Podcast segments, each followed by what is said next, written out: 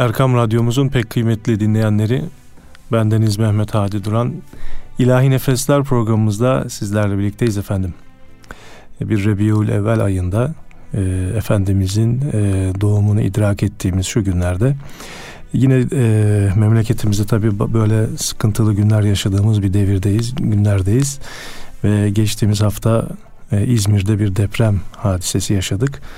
Bu afette hayatını kaybeden vatandaşlarımıza Allah'tan rahmet diliyoruz. Yaralılarımıza acil şifalar diliyoruz.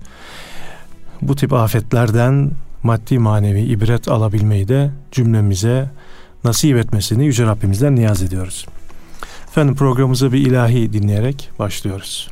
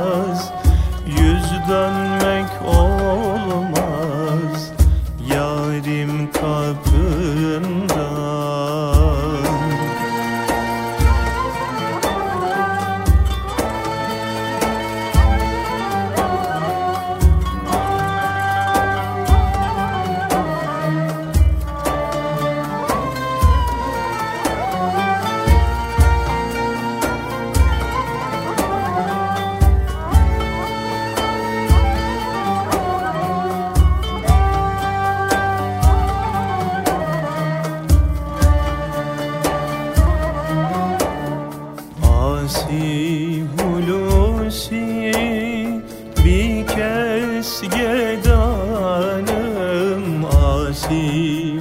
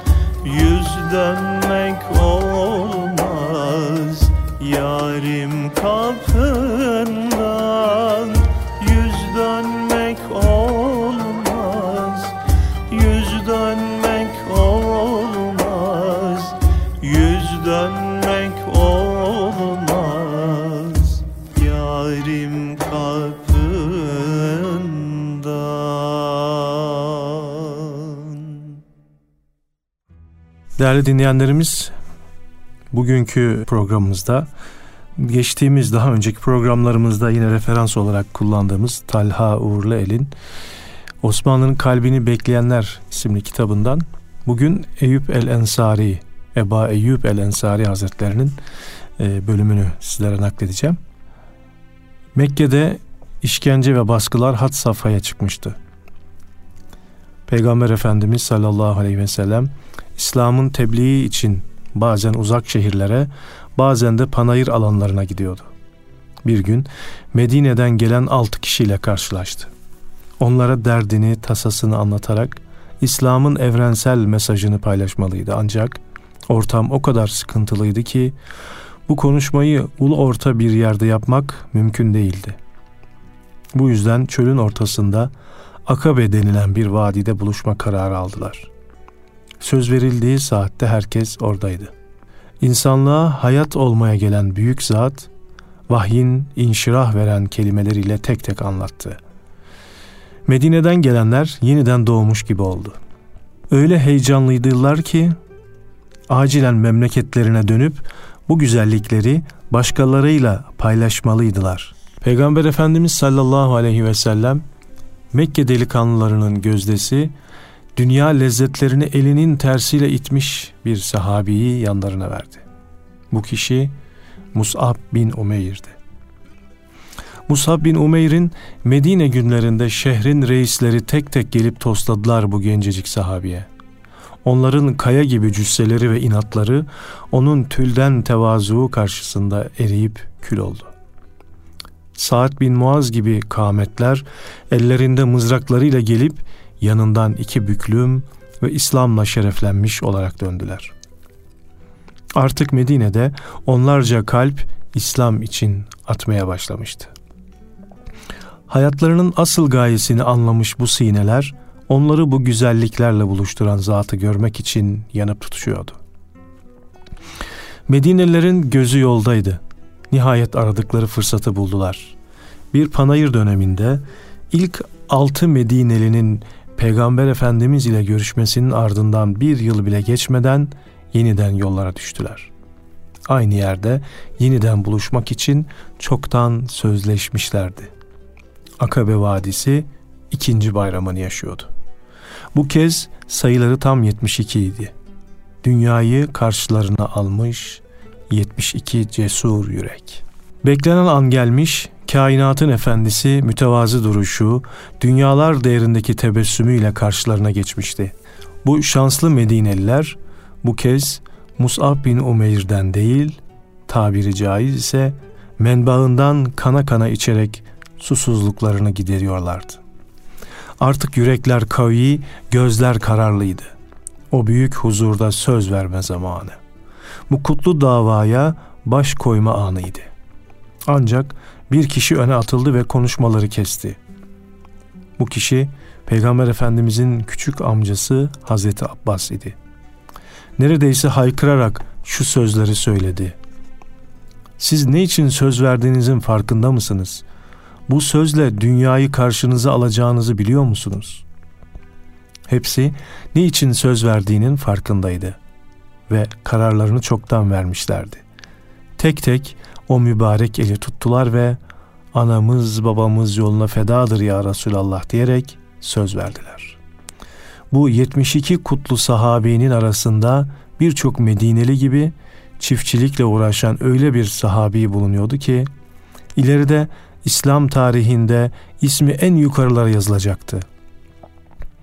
Efendimiz Aleyhisselatü Vesselam'ı evinde misafir edecek, onun ve dört halife döneminin bütün gaza ve seriyelerine iştirak edecek, hatta hızını alamayarak ileri yaşına rağmen soluğu İstanbul önlerinde alıp, burada vefat edip, burada kalmayı ve bu topraklarda Hz. Muhammed Aleyhisselam'ın davasının bayraktarlığını yapmayı kendisine vazife addedecekti. İşte bu kişi Eba Eyyub el-Ensari Hazretleriydi. Efendim bir eser dinliyoruz ve programımız devam edecek inşallah. Canım kurban olsun senin yoluna Canım kurban olsun senin yoluna Adı güzel kendi güzel Muhammed Adı güzel kendi güzel Muhammed. Gel şefaat eyle kemter kuluna. Gel şefaat eyle kemter kuluna. Adı güzel kendi güzel Muhammed. Adı güzel kendi güzel Muhammed Mümin olanların çoktur cefası. Mümin olanların çoktur cefası. Ahirette olur zevku safası. Ahirette olur zevku safası On sekiz bin alemin Mustafa'sı. On sekiz bin alemin Mustafa'sı. Adı güzel kendi güzel Muhammed Adı güzel kendi güzel Muhammed. Yunus neyler ki cihanı sensiz Yunus neyler ki cihanı sensiz. Sen hak peygambersin şeksiz gümansız. Sen hak peygambersin şeksiz gümansız. Sana uymayanlar gider imansız. Sana uymayanlar gider imansız. Adı güzel kendi güzel Muhammed. Adı güzel kendi güzel Muhammed.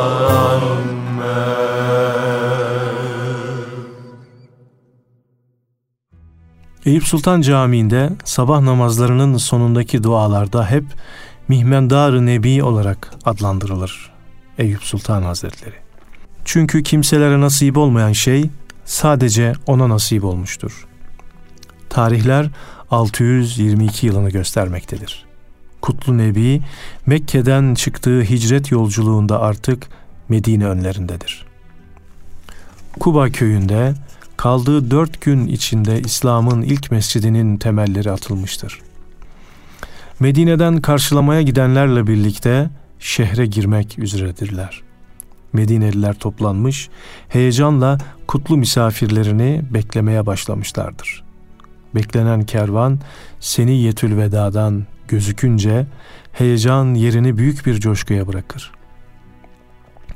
Taleal bedrulerle meydan inler ve devesi kisvanın üzerinde ilerlemekte olan Kutlu Nebi topluluğun arasına karışır. Önce hemen önlerindeki vadi Ranuna'da ilk cuma namazı kılınır ve ardından şehre girilir. Herkeste bir coşku ve Resulullah'ı ağırlama isteği vardır. Peki bu iş nasıl olacaktır? Efendimiz devesinin çöktüğü yerde kalacaklarını ifade eder. Kisva serbest bırakılır ve deve önce ilk mescidin yapılacağı boş bir araziye ardından da Eba Eyyub El Ensari Hazretlerinin evinin önüne çöker. Eba Eyyub ve eşi Ümmü Eyyub'un başına öyle bir devlet kuşu konmuştur ki imrenmemek elde değildir. Bu kutlu misafirlik tam yedi ay sürecektir. Peygamber Efendimiz Aleyhisselam'ı yedi ay boyunca evinde ağırlayan Medine'deki evleri bitene kadar misafir eden Eba Eyyub olduğu için tarih boyunca mihmendar, ağırlayan, hizmet eden, sahip çıkan ünvanı ile anılmıştır. Peygamber Efendimizin mübarek devesi Kisva'nın Ebu Eyyub'un evinin önüne çökmesinin arkasında aslında uzun yıllar öncesine dayanan bir temenni, içten gelen bir dua yatmaktadır. Yüzyıllar önce Yemen topraklarını yöneten sultan kuzeye bir yolculuk gerçekleştirir. Arap Yarımadası'nın ortalarına kadar gelir.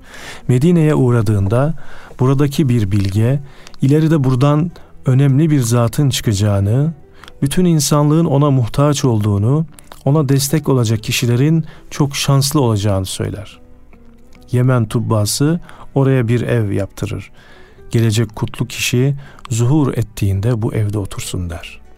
Tabii ki o günün şartlarında inşa edilen bu toprak ev Hz. Muhammed'e yetişmemiştir. Ancak burada sırlı bir gerçek vardır. Tubba'nın yaptırdığı evin olduğu yerde o günlerde Eba Eyyub el-Ensari'nin evi bulunmaktadır. Yani yüzyıllar öncesine dayanan bu güzel temenni yerini bulmuş, Tubba'nın yaptırıp kendisine ithaf ettiği ev olmasa da evin bulunduğu yer Efendimizin bir süre ikamet ettiği mekan olma şerefini elde etmiştir. Eba Eyyub el Ensari'nin evine yerleşecek olan kainatın efendisi evin alt katında kalmak ister. Eba Eyyub el Ensari ve eşi buna razı olmazlar. Siz alt katta biz üst katta böyle olmaz ya Resulullah derler. Ancak hassasiyet timsali sevgili peygamberimiz kaldığı evin sahiplerine rahatsızlık vermek istememektedir. Benim gelenim gidenim çok olur. Yukarıda kalırsam rahatsızlık verebilirim. Biz altta kalalım der. Daha fazla üsteleyemezler. Üst kata yerleşirler yerleşmesine ama böyle mübarek bir zatın üstünde kalmaktan da son derece rahatsızdırlar. Bir gece tam yatmaya hazırlanırlarken yanlarında bulunan su testisi devrilir ve su toprak zemine yayılır. Su topraktan aşağı akıp Peygamber Efendimiz'i rahatsız eder düşüncesiyle tek yorganlarını suyun üzerine atıp emdirirler. Yorgan ıslandığı için o geceyi açıkta geçireceklerdir. Peygamber Efendimiz bu ve bunun gibi birkaç hadiseyle birlikte ev sahiplerinin üst katta kalmaktan duydukları rahatsızlığı görür ve misafirliğin ikinci ayının sonunda üst kata geçerler. Yedi aylık misafirliğin son beş ayında üst katta kalacaklardır. Efendim bir eser daha dinliyoruz ve programımız devam ediyor inşallah. Salike olmaz ayan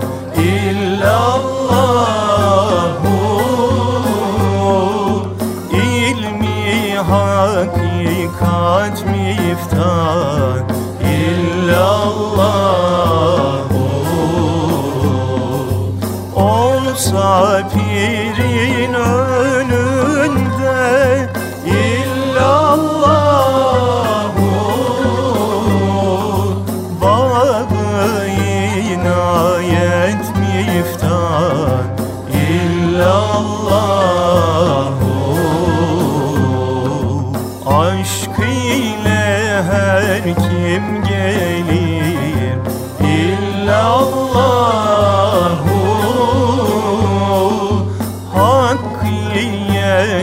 Leslie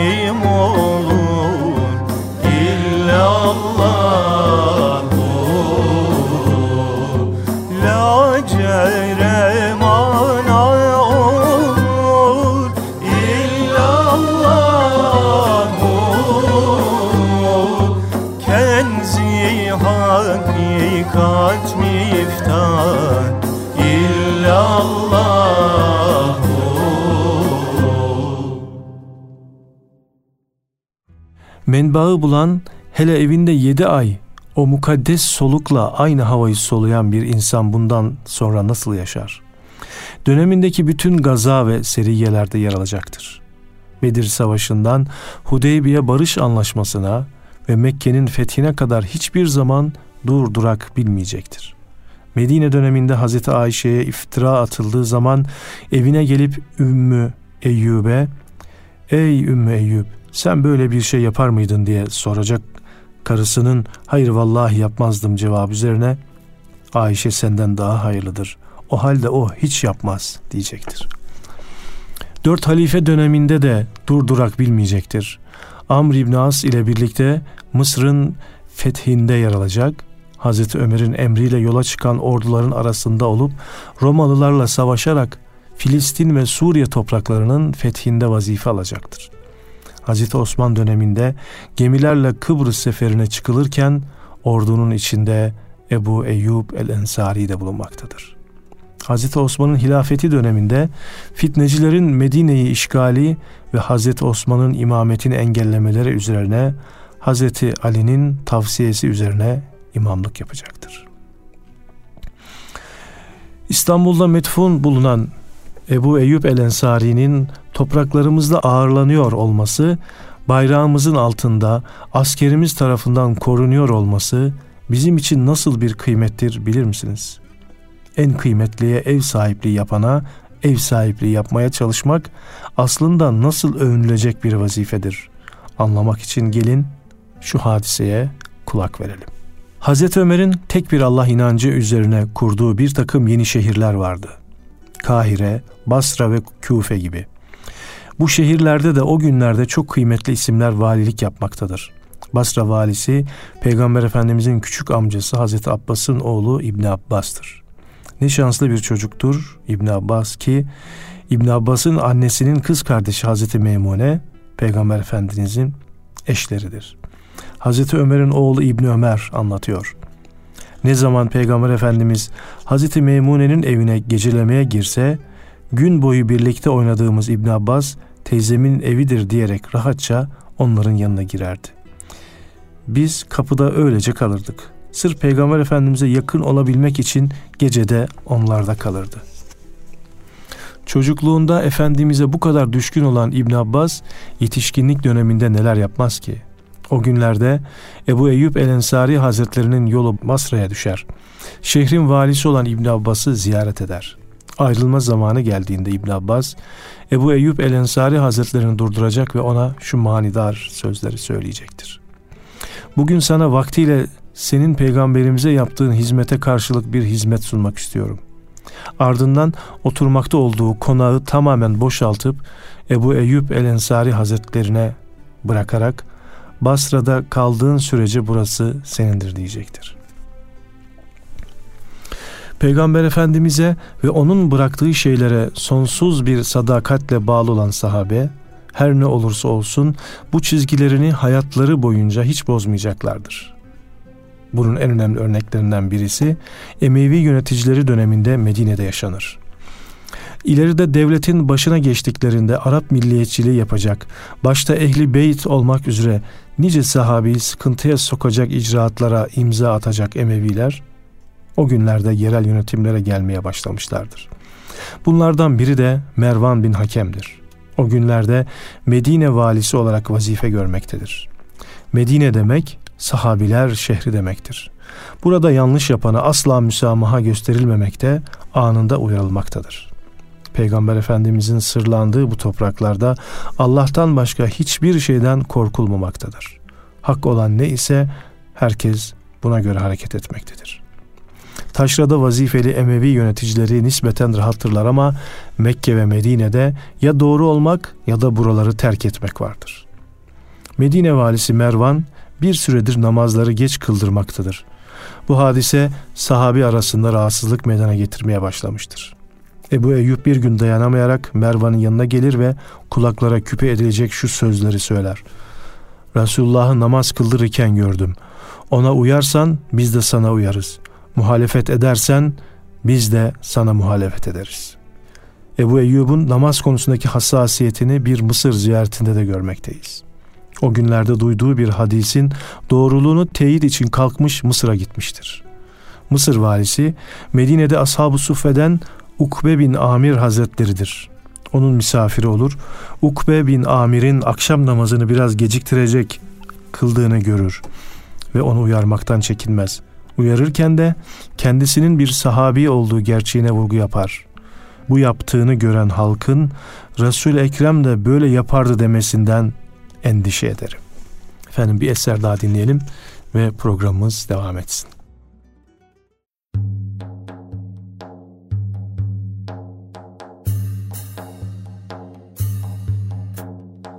Vaslın bana hayat verir firkatil memat Vaslın bana hayat verir firkatil memat Sübhan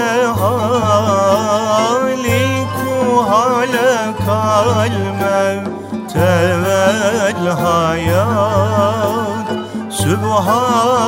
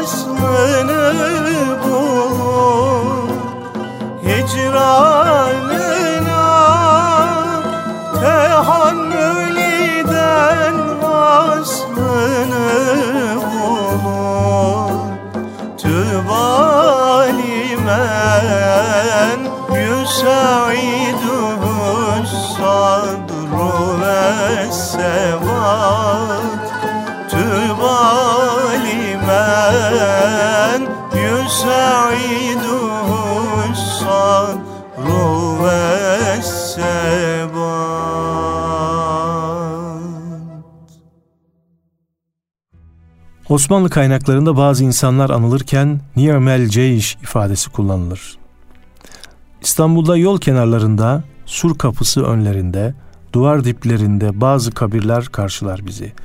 Tabelasına baktığımızda Niyamel Ceyş ifadesini görme olasılığınız fazladır. Peki nedir Niyamel Ceyş? Ceyş asker demektir. Niyamel Ceyş ise ne güzel asker anlamına gelir. Yani bu ifadenin kaynağı Peygamber Efendimizin İstanbul'u fetih müjdesini verdiği ve fetihte yer alacak askerleri taltif ettiği hadis-i şerifleridir. Bugün İstanbul surları önünde hatta birçok sur kapısı dibinde farklı yüzyıllarda ömür sürmüş insanlar bir arada yatmaktadırlar. Bunların bir kısmı Peygamber Efendimizin vefatından 39 sene sonra yola çıkan ve yüzyıllar boyunca bıkmadan İstanbul yüklenen sahabi yani Konstantinopolis'e yüklenen sahabe, tabi'in ve ardılları iken bir kısmı da Fatih dönemi kuşatmasının fetih şehitleridir. İstanbul'un fethi Fatih ve askerlerine nasip olmuştur olmasına ama yüzyıllar boyunca nice yiğit bu paye ile payelenmek için yanı tutuşmuştur. İşte bu sevdalardan biri de Ebu Eyyub el-Ensari Hazretlerine aittir. O büyük nebi aralarından ayrılalı sadece 39 sene olmuştur. Devir Emeviler dönemidir. İlk kez İstanbul üzerine bir sefer hazırlığına girişilmiştir. Herkes telaşlı ve heyecanlıdır. Bu müjdelenmiş sefere katılmak büyük anlam taşımaktadır. Yol uzundur ve hazırlıklar aylar öncesinden başlar. Hazırlık yapanların arasında yaşı bir hayli ilerlemiş bir zat vardır. Herkesin yakından tanıdığı ve bir o kadar da hürmet ettiği bu kişi yıllar önce Hazreti Peygamber'i evinde ağırlayan Mihmendar Nebi'den başkası değildir.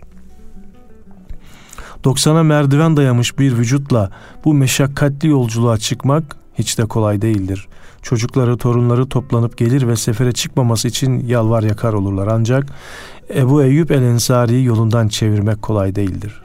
İkinci Ak Akabe biatında Efendimizin elini tutup söz verdiği andan itibaren durdurak bilmemiştir. Bu seferde de öyle olur. Önce karadan sonra gemilerle gerçekleşen sefer yolculuğu İstanbul önlerinde nihayete erer. Ancak bu surları aşmak hiç de kolay değildir. Yeryüzü kuruldu kurulalı hiçbir şehir bu kadar kuvvetli bir şekilde tahkim edilmemiştir. Üç tarafı denizlerle çevrili olup tabii bir koruması olan İstanbul'un kara surları ard arda üçlü sur sistemiyle örülüdür. Günler haftaları, haftalar ayları kovalar. Kuşatma sürer ama bir netice alınamaz. Zaman zaman iki ordunun karşı karşıya geldiği olur. Uzun süre çarpışılır ancak taraflar bir türlü üstünlük elde edemezler. Roma askerleri surların arkasına çekilir, İslam orduları da ordugahlarına. O gün kuşatma yine çetin geçeceğe benzemektedir. İslam ordusu surlara doğru ilerlerken Manuel duvarı ve Bileherna hattındaki sur kapıları da açılır. Dışarıya yığın yığın Roma askeri taşar. Sonra bu dağınık ordu sıraya girer ve çarpışma düzen alırlar. İki ordunun ilk karşılaşma anında hemen birbirlerine yüklenme, saldırma ve hücum etme olmaz. Önce her iki ordudan birer asker çıkar, dövüşür ve bu şekilde kalabalık kızıştırılır. Her iki tarafın askeri karşılıklı bilenir ve sonunda yayından fırlamış ok gibi birbirlerine saldırırlar. O günde her iki ordudan birer genç ortaya çıkar ve dövüş başlar. İslam ordusunun mensubu olan Yaman delikanlı iki kılıç darbesiyle hasbını yere uzatıvermiştir. Ancak bu kısa çarpışma onun hızını kesmeye yetmez. Üzerinde durduğu atını geri çevirmesi beklenirken birden ileri girer ve Romalıların şaşkın bakışlar arasında şimşek gibi ön saflara kadar gelerek salladığı kılıç darbeleriyle birkaç Romalı'yı devirip kendi saflarına döner. Romalılar kadar İslam ordusundakiler de şaşkındır. Birçoğuna göre bu cesaret değil sanki ölüme koşmadır. İslam ordusuna mensup bazı askerlerin ağzından bir ayeti kerime dökülüverir. Kendi elinizle kendinizi tehlikeye atmayın. Yani bu gencin cesurca davranışı Kur'an-ı Kerim'e göre yanlış bir hareket midir? Fitne kol gezmektedir. Askerin arasında yayılacak yanlış bir düşünce bir anda savaşın seyrini değiştirebilmektedir. Bu ayetin bu şekilde anlaşılması asker arasında gevşekliğe ve korkaklığa sebep de olabilir. Peki gerçekte bu ayet böyle bir konuya mı vurgu yapmaktadır? Sahabe ne şanslıydı. Bir sorunları olduğunda peygamber aralarındaydı. Hemen soruyor ve anında en doğrusu ne ise onu öğreni veriyorlardı. Aslında tabi'in de yani sahabeleri görenler de şanslıydı. Çünkü yanı başlarındaki sahabe onu görmüşler ve suyun menbaından beslenmişlerdi. İslamiyet peyderpey gelmiş ve onlar bu ulvi hakikatleri yudum yudum almış, zerrelerine kadar sindirip bünyelerine yerleştirmişlerdi. Fitnenin kol gezdiği bir yerde inanmış ve bilge bir sese ihtiyaç vardı. Hem de herkes tarafından kabul görecek, bir cümlesiyle ordunun yönünü değiştirecek bir kişiye. Bu ordu ne kadar şanslıydı ki aralarında onlarca sahabi bulunmaktaydı.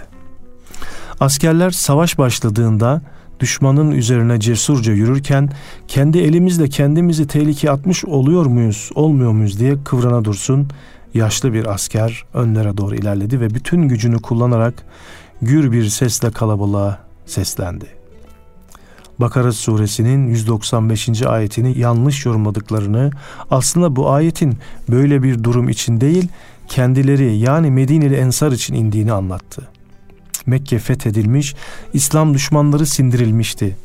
Biz Medineli Müslümanlar da İslam düşmanları ortadan kaldırıldı. Artık ihmal ettiğimiz tat, tarla bahçelerimizin çift ve çubuğumuzun başına dönebiliriz diyorduk. O günlerde Bakara suresinin bu ayeti nazil oldu. Hadiseyi tam anlamak için ayetin devamına bakmak lazımdır. Kendi elinizle kendinizi tehlikeye atmayın. Allah yolunda infak etmeye devam edin şeklinde devam etmektedir. İşte kutlu bir sahabinin eliyle bir fitne böylece alevlenmeden sönüvermişti. Efendim bugünkü programımıza Osmanlı'nın kalbini bekleyenler isimli Talha Uğurluel imzalı kitaptan istifade ederek e, Eyüp Sultan Hazretleri'nin e, hikaye hayatından bahsetmeye başladık. Fakat programımızın süresi de burada sona eriyor şimdi. Haftaya inşallah e, bu konuya devam edeceğiz. Bir eser dinleyerek sizlere veda ediyoruz. Sağlıklı, afiyetli günler dileyerek sizleri Allah'a emanet ediyorum efendim. Yüz bin cefa kılsan bana